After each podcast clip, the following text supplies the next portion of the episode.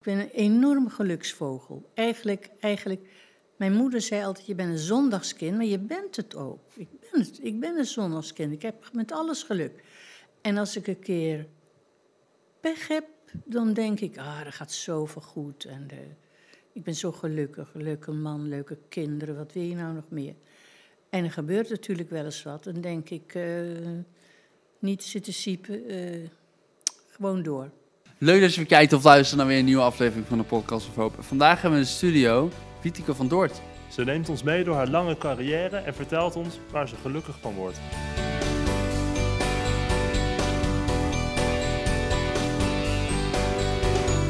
Podcast of Hope. Moving towards happiness. Nou, leuk dat u er bent. Ja, heel erg leuk. Hartstikke leuk. Ja, Ik kijk mijn ogen uit. ja dat is wel gezellig hier, hè? Ja, het is heel gezellig. Ja, wij gaan het in de podcast hebben over geluk. Is geluk een onderwerp wat u veel bezighoudt.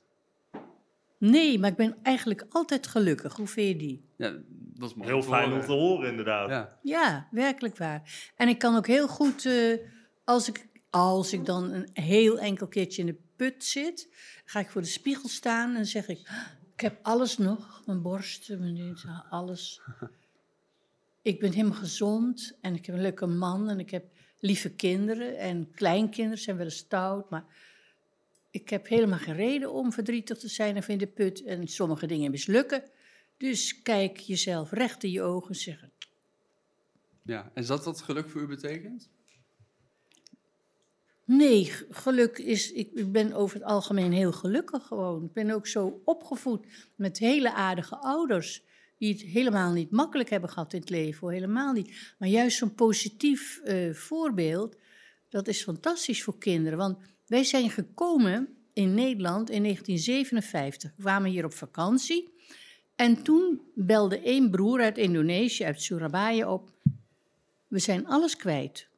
Fabriek, je huis, de auto, buitenhuisje, alles is in beslag genomen door de, door de Indonesische regering. President Sukarno heeft alles genationaliseerd. We kwamen hier eigenlijk, eh, toen wisten we dat nog niet, maar het bleek al snel dat we hier net, zoals de Oekraïners, we hebben niks meer, we hebben niks meer. Dus we konden bij familie in ieder geval in huis komen. En eh, die ouders van mij, van ons, die hebben zo goed aangepakt. Eh, werkelijk, ze hebben zich fantastisch gedragen. En dat is zo'n fantastisch voorbeeld. Dat, Ja, dat kan ik me voorstellen. ja, die hebben alles aangepakt, met niks. En dan kwamen we dus bij mijn ouders thuis. En dan zei ze, kinderen, ga zitten, mijn moeder.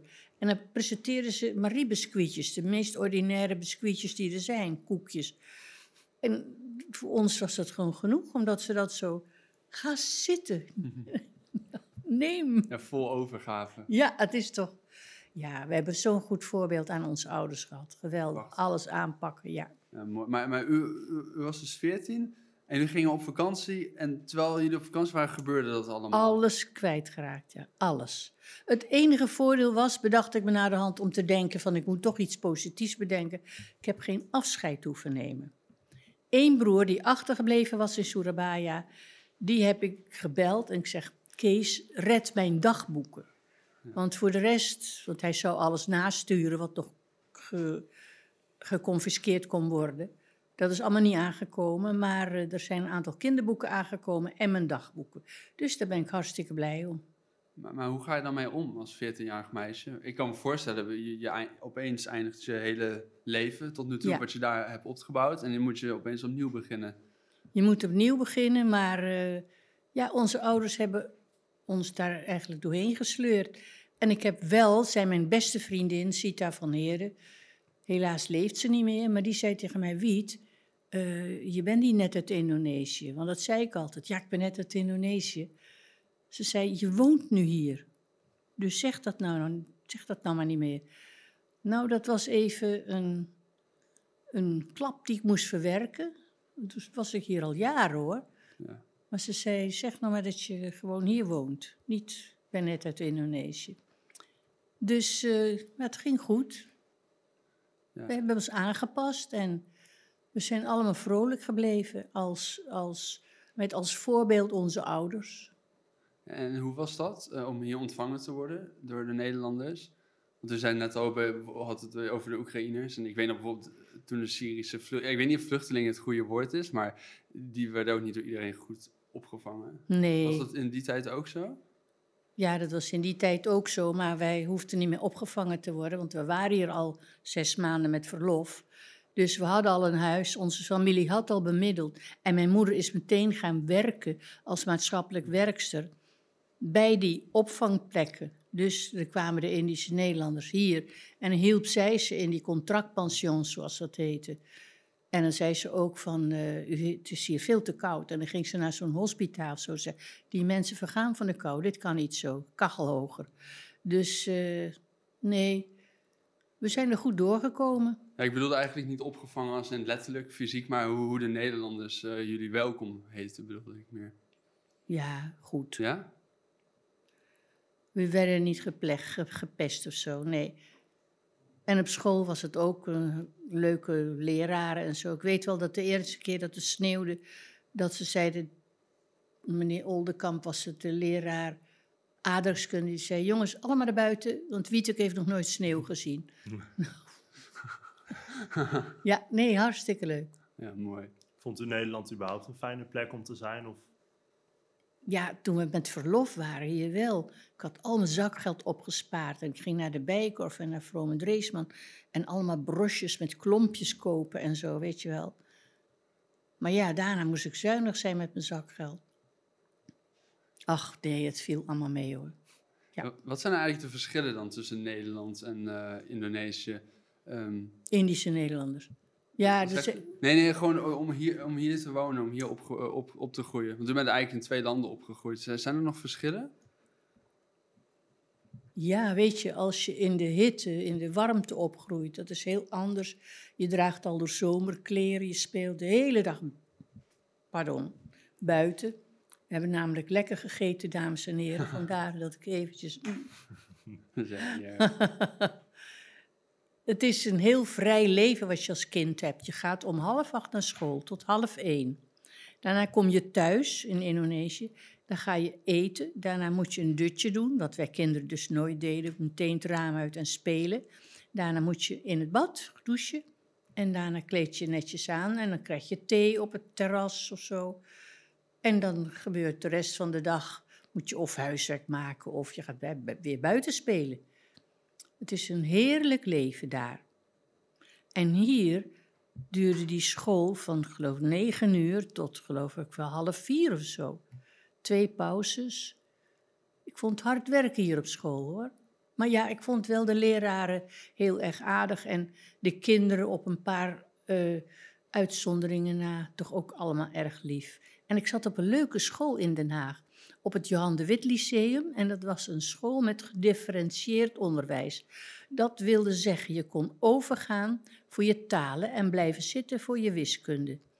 Want mijn moeder ging met mijn rapport van de eerste klas Kuntenkali HBS uit Surabaya naar scholen in Den Haag. En iedereen zei, nou nee, we hebben eigenlijk geen plaats. Ze vonden me een te slechte leraar, eh, Leerling. leerling. Want ik had nogal wat onvoldoendes erop staan. Met, terwijl dat Johan de Wit Lyceum, die zei, nou doe er maar in de klas, dat was geloof ik P3 en daarna kreeg je Q en daarna R. Dan kan ze overgaan voor de talen, blijven zitten voor wiskunde en wordt ze bijgewerkt. En... Maar ja, ik durf het bijna aan niemand vertellen, maar ik vertel het nu toch in jullie podcast. Een primeurtje. Ik heb vijf jaar gedaan over de HBS, over drie jaar HBS. Dus van de eerste klas voorwaardelijk overgegaan naar de tweede, van de tweede teruggezet in de eerste, eerste weer overgegaan naar de tweede, van de tweede voorwaardelijk overgegaan naar de derde, van de derde weer teruggezet naar de, naar de tweede. En toen weer voorwaardelijk over naar de derde. En toen dacht ik, ik moet hier weg. Ik wil iets anders doen. Dus Maar je bent toch al gestopt? nou ja, ging ik naar de tekenleraar Jan van Heel. Ik zei, ik wil naar de tekenacademie. Hij zei, dat kan niet, dan heb je vijf jaar HBS nodig. Ga maar eerst wat anders doen.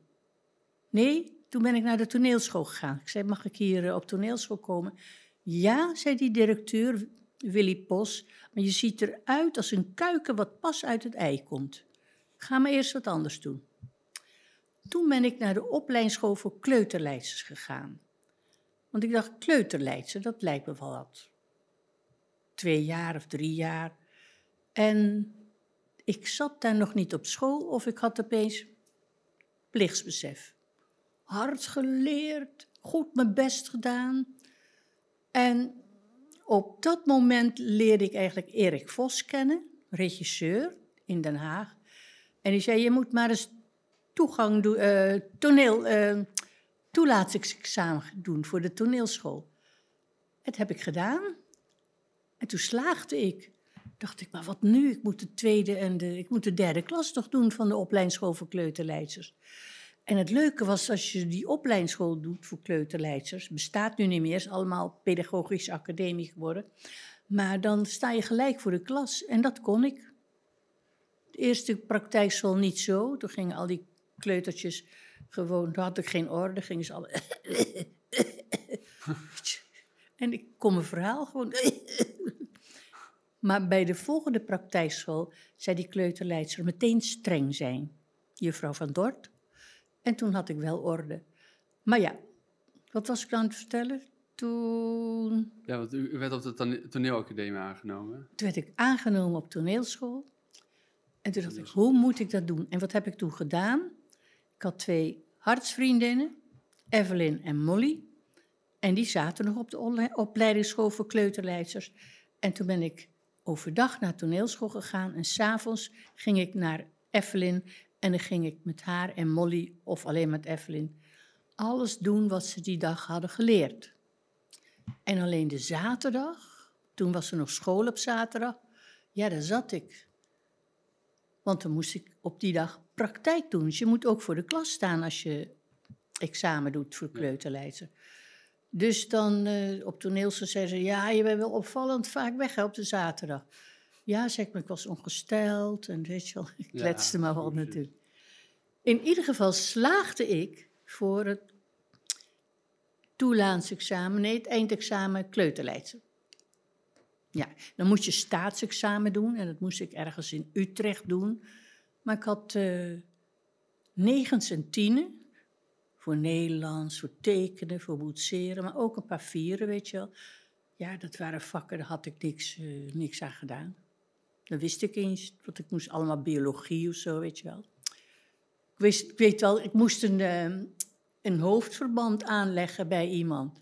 Nou, dat werd zo'n hele rare tulband. En toen zei die examengecommitteerde, wat doet u nu? Zei ik, ja, maar ik heb dat nooit geleerd op school. Dat hadden we ook niet. In ieder geval, ik slaagde. En ja, daarna, toen ging ik dus over van 1 naar 2 en van 2 naar 3 op de toneelschool. Toen dacht ik, ik vind het helemaal niet leuk. Ik vind het hier helemaal niet leuk. Want weet je, ik had een klas met Jeroen Krabbe en Maria Kok, allemaal leuke mensen buiten school. Maar in de les fanatiek. En de enige met wie ik dan heel erg bevriend raakte, was Karel van Herwijnen, acteur, al overleden, en Rudolf Lucier ook. Ach, en een andere. Maar in ieder geval, ik vond het niet leuk. En waarom? Met het overgangsexamen van 2 naar 3 op toneelschool zei ik tegen Erik Vos, die leraar, daar reed ik vaak mee mee vanuit Den Haag. Ik zei, meneer Vos, we hebben straks overgangsexamen en ik heb bijna niks te doen. Want het was een beetje ellebogenwerk ook in die klas. En ik dacht bij mezelf, als je je gezin en kinderen te onderhouden hebt, dan snap ik dat wel. Maar op school moet dat toch anders gaan. Ik bedoel, zo'n leraren, leraressen, die moeten daar toch op letten. Ik, ik heb alleen maar dienstmeisjes te, te doen. En de enige dienstmeis, dienstmaagd, wat een leuke rol is, dat is in Othello. Daar was ik ook een dienstmaagd. Maar dat was een goede rol. En toen eh, heeft mevrouw Ank van der Moer gezegd: Oké, ik ga wat instuderen met je. Je hebt te weinig voor je overgangsexamen. En die heeft mij ingestudeerd Faust. En dan was ik Greetje en Rudolf Luciers Faust. En eh, nou, daar was ik blij mee.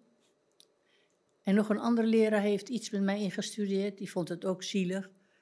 Rashomon, een mooie monoloog. Maar het heeft niet mogen baten. Ik ging niet over, ik zakte. En toen zei ik tegen Erik Vos in de auto, terwijl ik terugreed naar Den Haag. Ik zei, meneer Vos, ik vind het niks. Ik ga, ik, ik, ik ga niet op toneel. Ik ga iets anders doen. En ik vertelde waarom. Omdat het, nou, het leek me niks gewoon. En toen zei hij, Wieteke, kom naar bij mij spelen. Ik heb in Den Haag een gezelschap, de Nieuwe Comedie. Ze doen ook kinderstukken, dat is toneelschap Arena, hoort erbij. En in de kleedkamer wordt er gewoon over voetbal gepraat. Dus niks hoogdravends en je zal niet uit de toon vallen of zo. En dat heb ik gedaan. En toen had ik binnen een jaar had ik leuke rollen. Ik kreeg heel veel kinderen te spelen, want ik zag er heel jong uit. Ik was al 20, 21, ik zag eruit als 12. En uh, ik kreeg leuke kinderrollen. En vanaf toen is het heel makkelijk gegaan. Op een gegeven moment uh, gingen we Romeo en Julia spelen. En tot mijn grote verbazing kreeg ik de hoofdrol, Julia. En ik zei tegen die regisseur, een Engelsman, Adrian Bryan... Ik weet niet of ik dat kan. En Lex Gorel, die Romeo speelde, die zei... Ah, jawel, het is een meisje van veertien. dacht ik, oh, dat kan ik wel. Maar ja, u bent eigenlijk dus... Ja, wat is, dat, wat is dat aan toneelspelen dan wat u zo fascineert? En, of misschien überhaupt aan kunst, want dat het ook over tekenen en over... Uh, ik zie nu ook foto's van u in, in een, ja, niet deze toevallig, maar in, in een museum.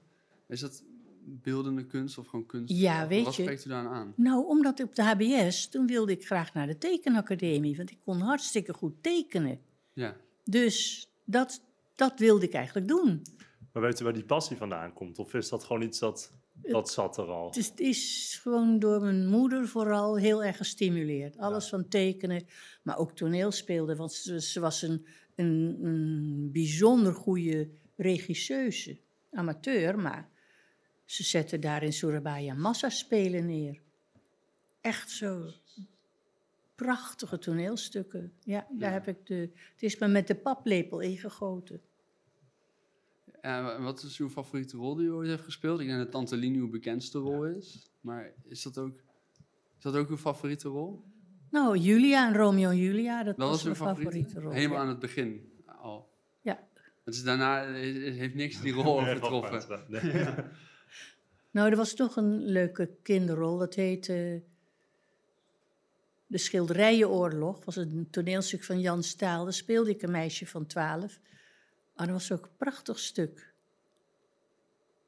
Maar ja, toen trouwde ik snel met Theo Moody. En er was een man die had twee kinderen al. Dus eh, toen dacht ik, ja, dan kan ik niet blijven toneel spelen natuurlijk. Ik moet dan gewoon, ik kan niet zeggen vier uur eh, de bus naar Nijmegen gaat of zo. Dus toen ben ik gestopt met toneelspelen en heb ik alleen radio en televisie gedaan. En het wonder gebeurt, er was werk. Genoeg werk. Dus begon met de kinderserie Pinocchio, daarna Oebelen, daarna Klokhuis. Oh nee, eerst Straat op Zee, Stratenmaker op Zeeshow. eh Klokhuis, Jeje de Bom. Nou, heel veel. Kindertelevisie. En andere leuke dingen. Dus met Willem Nijholt deed ik Kun je nog zingen, zing dan mee. Liedjes allemaal onder regie van Tineke Roeven. Kinderserie met schattige liedjes. Kort jakjes weer beter. Kortom, ik heb, ik heb een hele lange staat van dienst op de televisie. En op een gegeven moment, toen mijn kinderen groot waren, toen dacht ik, weet je wat, ik zou nu eigenlijk wel weer eens wat willen spelen op toneel. En meteen kwam er een aanbieding van, van Stravinsky, L'histoire du soldat, de geschiedenis van de soldaat.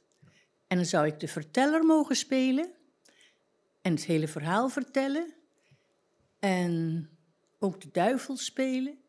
En ik zou ook mee mogen dansen met eh, drie Indonesische dansers. Het was zeg maar een Indonesische versie van de geschiedenis van de soldaat. En dat was het begin weer van de carrière op toneel. En fantastisch was dat. Om weer op toneel te staan. Ja, was leuk. En in die tussentijd trad ik ook al op als Tante Lien, hoor. Want eh, dat was ook een, Ja. was al bekend als Tante Lien, Late Late Lien Show. En, eh, en daarna heb ik meegespeeld in... Het heette Enkele Reis met Trudy Labij en Bram van der Vlucht. En daarna, het toneelstuk daarna, is Ricky Risoles geweest, ja. Ik geloof dat ik het allemaal goed heb. En Ricky Risoles is een jeugdige komiek, mag ik wel zeggen, een eh, jeune premier. Een uitstekende acteur. In dagelijks leven heeft hij een heel andere eh, baan. Is dat wie we hier op de foto zien? Ja. Ja, met de muts en de bril. Ja, logisch. U bent de andere natuurlijk. Ja, die andere inderdaad. Ja. Wie van de twee is? Wie van de twee? Hij is uitstekend. Ik vind hem een heel goed acteur. Heel, heel grappig. En de zaal die is ook, eh, die gaat helemaal, die wordt helemaal wild van enthousiasme. En Maar die hebben- show doet u nog steeds, toch? ja, die, Ja, die is ja. nu druk bezig en die gaat straks een nieuwe seizoen helemaal door. Want door corona hebben we natuurlijk twee jaar niet kunnen spelen. Ja. Heeft u daar Dus- moeite mee gehad met die tijd? Nee, we hebben allemaal dingen weer thuis gedaan. En ik, heb, eh, ik heb nog niet eens alles opgeruimd wat ik op moest ruimen. Maar ik heb wat geschreven, want ik schrijf ook graag. Hmm. Ja, u, wilt wel dingen maken. Ja, ja, ja. joh. Ja, Dat ja, is wel ja. een drijfveer van u, denk ik. Het is een hele lijst wat ik nog wil maken. Ik heb een boek geschreven, Kind in Surabaya. Ik heb tien boeken geschreven, maar allemaal uitverkocht. Tien boeken. Ja, Zo. maar Kind in Surabaya is ook uitverkocht. En dat heet Het Huis met de Waringen. Dat is ons huis aan de Mbonsawo in Surabaya. Ik had het voor kinderen geschreven, maar wie het gelezen heeft en gekocht, dat zijn allemaal 60-plussers. Dus, in ieder geval wilde ik dan deel 2 schrijven, het huis aan de, naast de Tegalsari school, dat was het volgende huis. En daarna deel 3, het huis aan de Jalan Supratman. Dus die deel 2 en 3 zijn ook al klaar en zijn al geïllustreerd. En nu eh, wacht ik nog op een uitgever. Maar ik ben altijd heel druk met van alles. Ja. Is uw creativiteit ook gelinkt met uw geluk? Ja, natuurlijk. Ik ben een enorm geluksvogel. Eigenlijk, eigenlijk, mijn moeder zei altijd, je bent een zondagskind, maar je bent het ook. Ik ben, het, ik ben een zondagskind. Ik heb met alles geluk. En als ik een keer pech heb, dan denk ik, ah, dat gaat zoveel goed. En eh, ik ben zo gelukkig. Leuke man, leuke kinderen, wat wil je nou nog meer? En er gebeurt natuurlijk wel eens wat. Dan denk ik, eh, niet zitten siepen, eh, gewoon door. Gewoon morgen is er weer een dag. ja. En ik probeer dat ook altijd eh, ook uit te dragen hoor. Ook als mensen chagrijnig zijn of zo. Dan zeg ik, nou ja, zo erg is het toch niet. Ja, maar.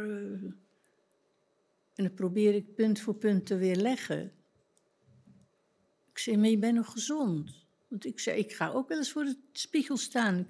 Ik heb mijn borsten nog, ik, eh, ik kan nog lopen. Ik loop dan nu wel een beetje pinchang, zoals het heet, een beetje mank. Maar verder gaat het toch allemaal goed en eh, ik ben gelukkig. En wat zal ik mopperen? ja. De, de truc om gelukkig te zijn is dus een beetje om gewoon al het goede, al het positieve. Tel je zegeningen, tel je zegeningen. ja, dat zei iemand tegen mij. Dat bedoel Oh, jij zeker? Ik zei, ja, dat bedoel ik. ja. Je moet je gewoon voor jezelf opschrijven wat voor... Wat je, En negeer de rest. Nee, dat hoeft dan ook weer niet hoor. En negeer de rest inderdaad. Ja. Dat hoeft dan ook weer niet. Jawel, probeer, probeer maar je te concentreren op wat je wel hebt. Ja. Ik bedoel, eh, ik ben bijvoorbeeld ook heel blij, vaak, dat ik goed kan zien. Ja, dat is fijn. Ik heb wel de, langzamerhand ook een leesbril nodig. Maar ik kan nog zien, ik kan nog horen. Ik hoef geen gehoorapparaat. Weet je, ik kan praten, ik kan denken.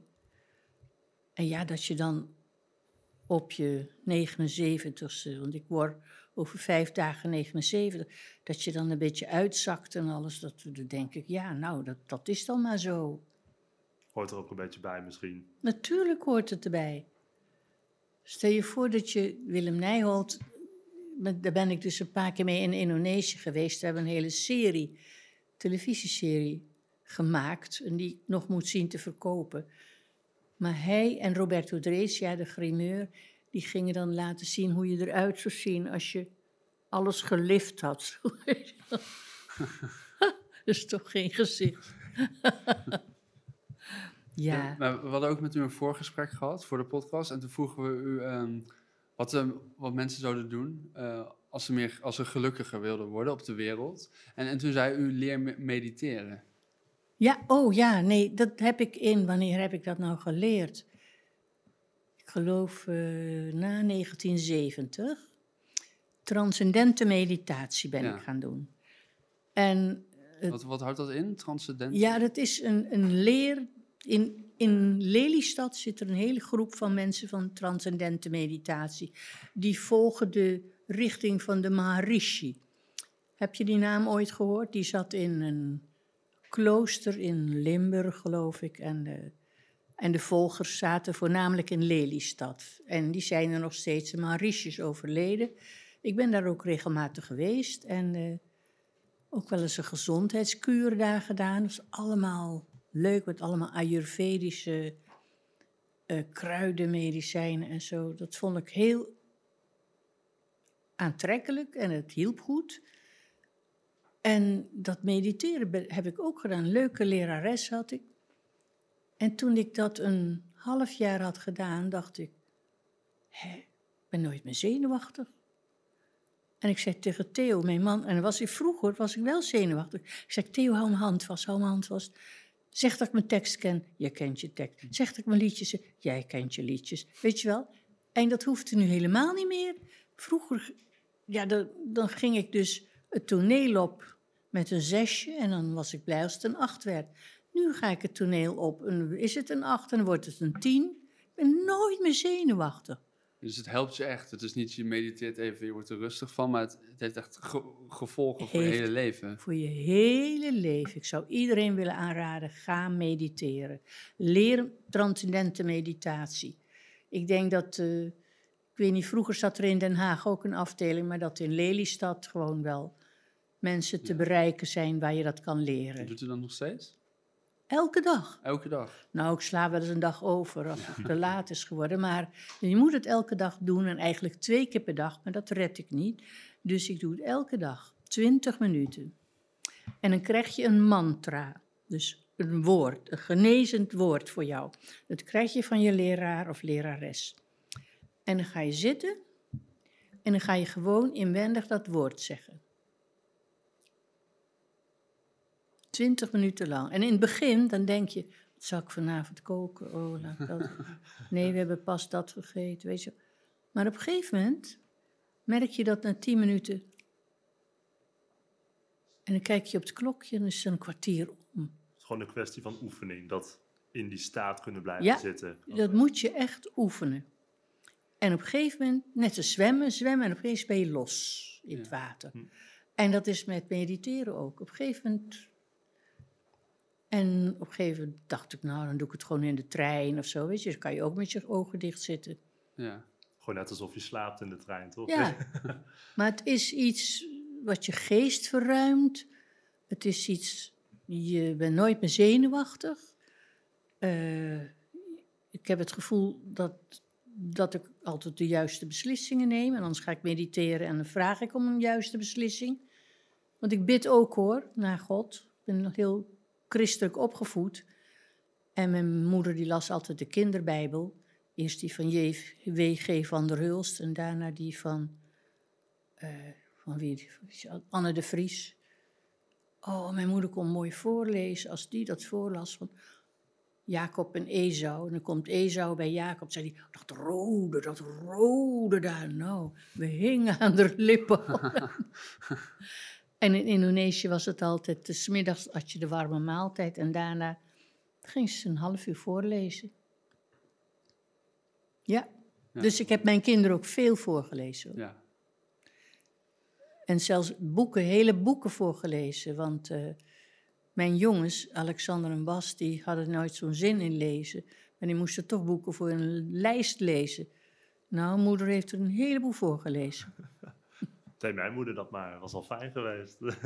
Ja, Deed je moeder dan niet? ja, jawel, maar niet, Ze luistert niet mee. zoveel boeken, denk ik. Ze luistert mee. Ja, nee, nee, maar Heeft al voorgelezen hoor. En mijn vader trouwens ook. leuk, anders, ja. lees- anders zit je vanavond wel voor. Dat zou ik leuk vinden. Nee, maar wat we met Hoop XXL eh, proberen te bereiken, is dan aan het eind van de eeuw, dat is ons streven, dan iedereen zijn leven met een 8 kan beoordelen. En eh, we vragen altijd onze gasten aan, op welk cijfer zij zitten. Dus bij deze. Welk cijfer u uw leven zou geven? Oh, negen. 9, ja? En, en waar zit het dan in? Want u, u zei al, ik ben altijd gelukkig, maar wat, wat maakt die 9 nou een 9?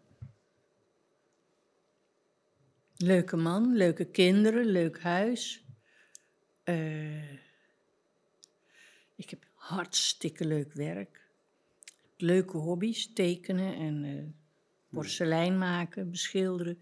Leuke vrienden, leuke vriendinnen. Ik heb heus ook wel eh, mensen die de pest aan mij hebben hoor, of zo. Maar die stuur ik liefde. Dat helpt wie te maken krijgt met vijanden, stuur ze liefde. Zeg gewoon, ik hou van je, ik hou van je en ik hou van je. En jij bent heus ook een goed mens.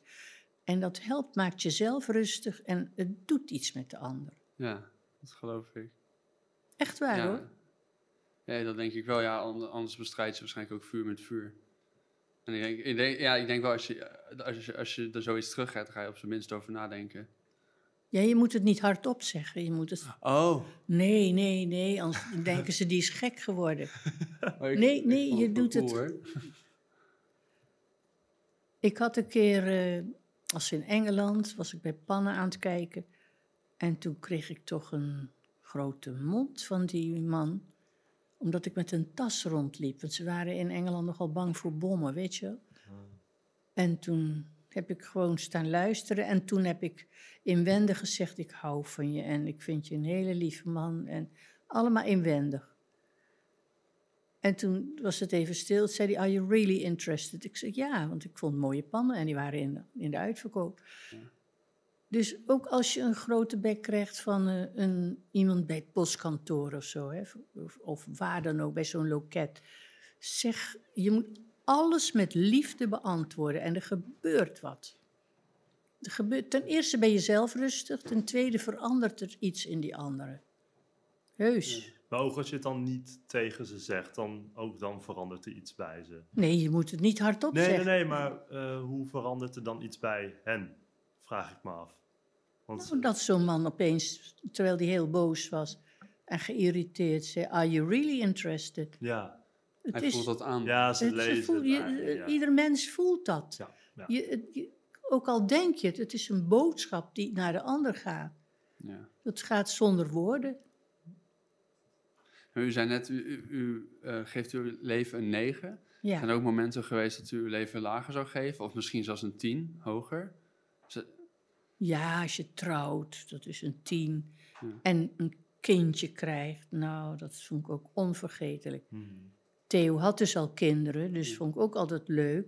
Maar als er zo'n babytje uit je buik komt en ik had een vreselijke bevalling hoor. Het kind wilde er niet uit, geloof ik.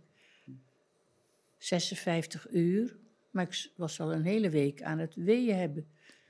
Maar de dokter zei, ja, pas als ze om de zeven minuten komen. Maar toen wilde hij niet en toen kreeg ik een eh, prik en zei die dokter, nou, we gaan er morgen maar mee door. En toen kreeg ik de dag daarna een infuus. Nou, toen wilde dat wel komen, die weeën, maar dan ook nog 56 uur. Zo.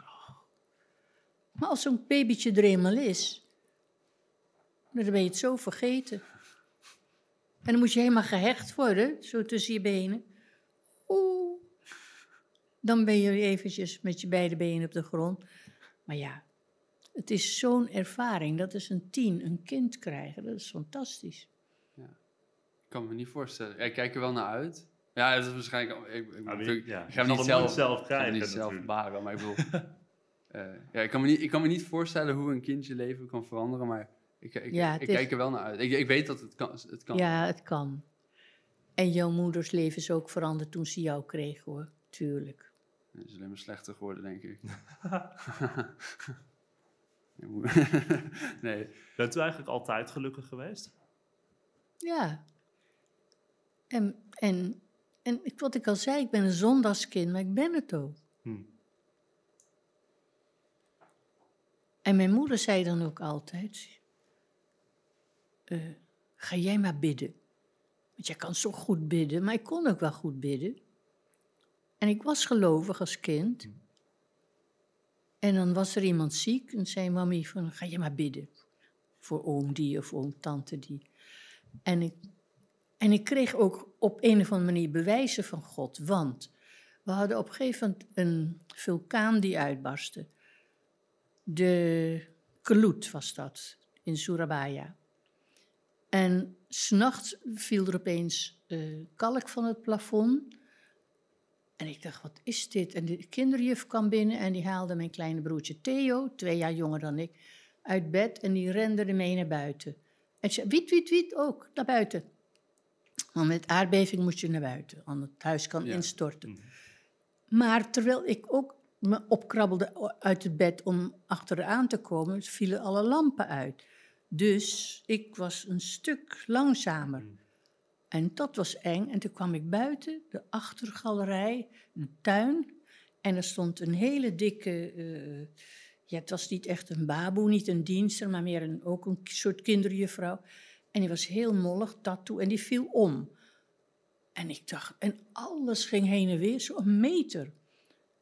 En ik dacht, er moet wat gebeuren. Toen ben ik op mijn knieën gevallen. Ik zeg, God, help ons, help ons, heel hard. En wat gebeurde? Over.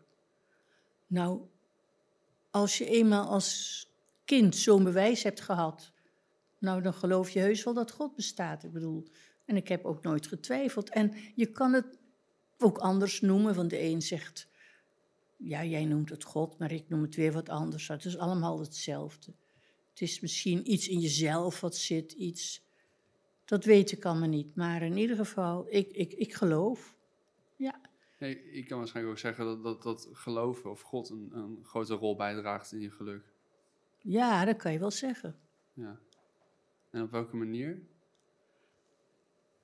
Is dat dan... Is dat, Op het, op het moment dat je. Kijk, geloof is ook en bidden is ook iets anderen toewensen. ja, ja. Op het moment dat je anderen toewenst. Och, lief God, maak hem beter, weet je wel, dit wel.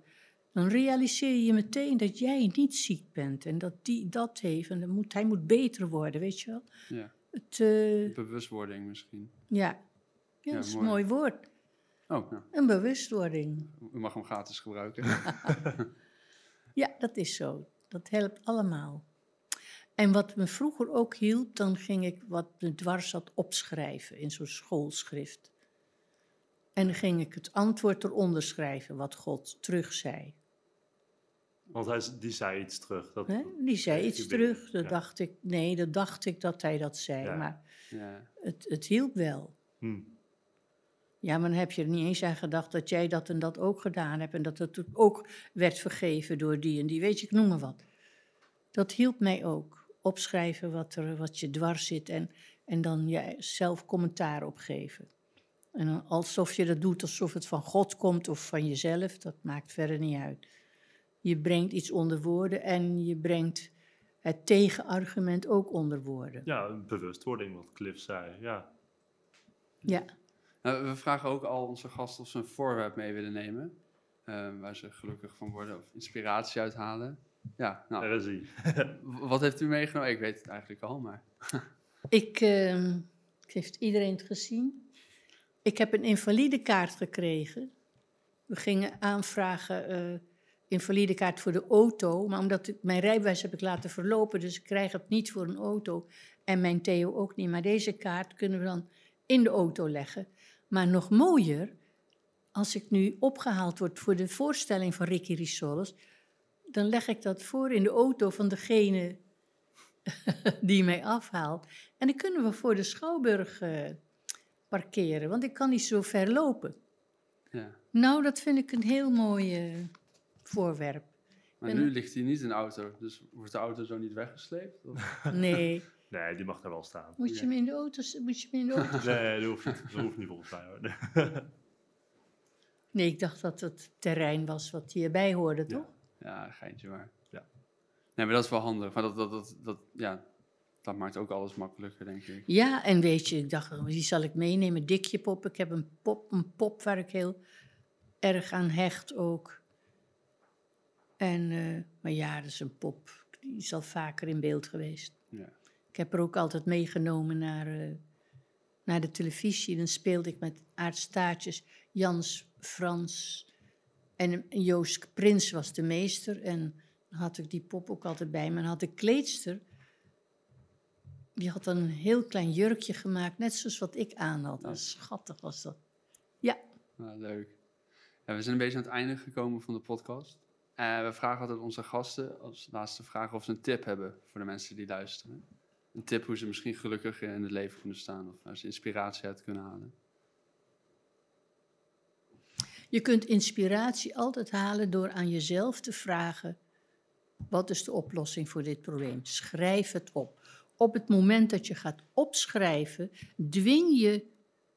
Kijk, jij bent de kapitein op het schip en dit is het schip. Jij bent de kapitein. Als je vraagt aan je hersenen: wat is de oplossing voor? Dan komt het antwoord vanzelf. Bijvoorbeeld, je vraagt iets en daarna krijg je, ja, je kunt dit of dat doen, A. Je kunt B, dat of dat of dat doen, maar ik zou misschien overwegen om C te doen. En het punt is dat je onderbewustzijn, daar zit zoveel kennis bij ieder mens hoor. En het wordt vaak te weinig aangeboord. Dus op het moment dat je gaat schrijven, maak je bewust gebruik van alle know-how die erin zit. Want je weet niet alleen dingen uit je eigen jeugd en alles. Je bent een soort vergaarbak. Jij weet ook wat er in de wereld gebeurt. En je hoort op een of andere manier, zelfs als je televisie kijkt en je zet tegelijk hand, te handwerk of te breien. Het wordt allemaal geregistreerd in je geheugen. Dus ik zou daar gebruik van maken. Ja, je past zelfs de kennis toe waarvan je niet wist dat het in je zat Ja, eigenlijk. ja. Ja, Nou, mooi. goede tip inderdaad. Ja. nou, nou, leuk dat we hier langs wilden komen. Heel erg leuk. Ik vond het heel gezellig. Ja, wij ook. Nou, bedankt. Dag allemaal thuis. Bedankt voor het kijken of luisteren naar deze aflevering van de Podcast of Hoop. We hopen dat je ervan hebt genoten of misschien wel geïnspireerd door bent geraakt. Iedere zondag om 10 uur komt er een nieuwe aflevering online op YouTube, Spotify en op al je andere favoriete podcast apps. Ook kun je ons vinden op www.podcastofhoop.nl. Tot ziens en veel geluk. De wereld waarin we leven biedt nog geen gelijke kansen. Voldoende eten en drinken. Een adequate opleiding. Goede gezondheidszorg. Vrede en geluk is niet voor iedereen weggelegd. Maar stap voor stap wordt het beter. En zijn we op weg naar een octopische samenleving waarin iedereen zijn of haar leven als goed kan beschouwen. Het is een lange reis, maar we zijn op weg. Podcast of Hope. Moving towards happiness.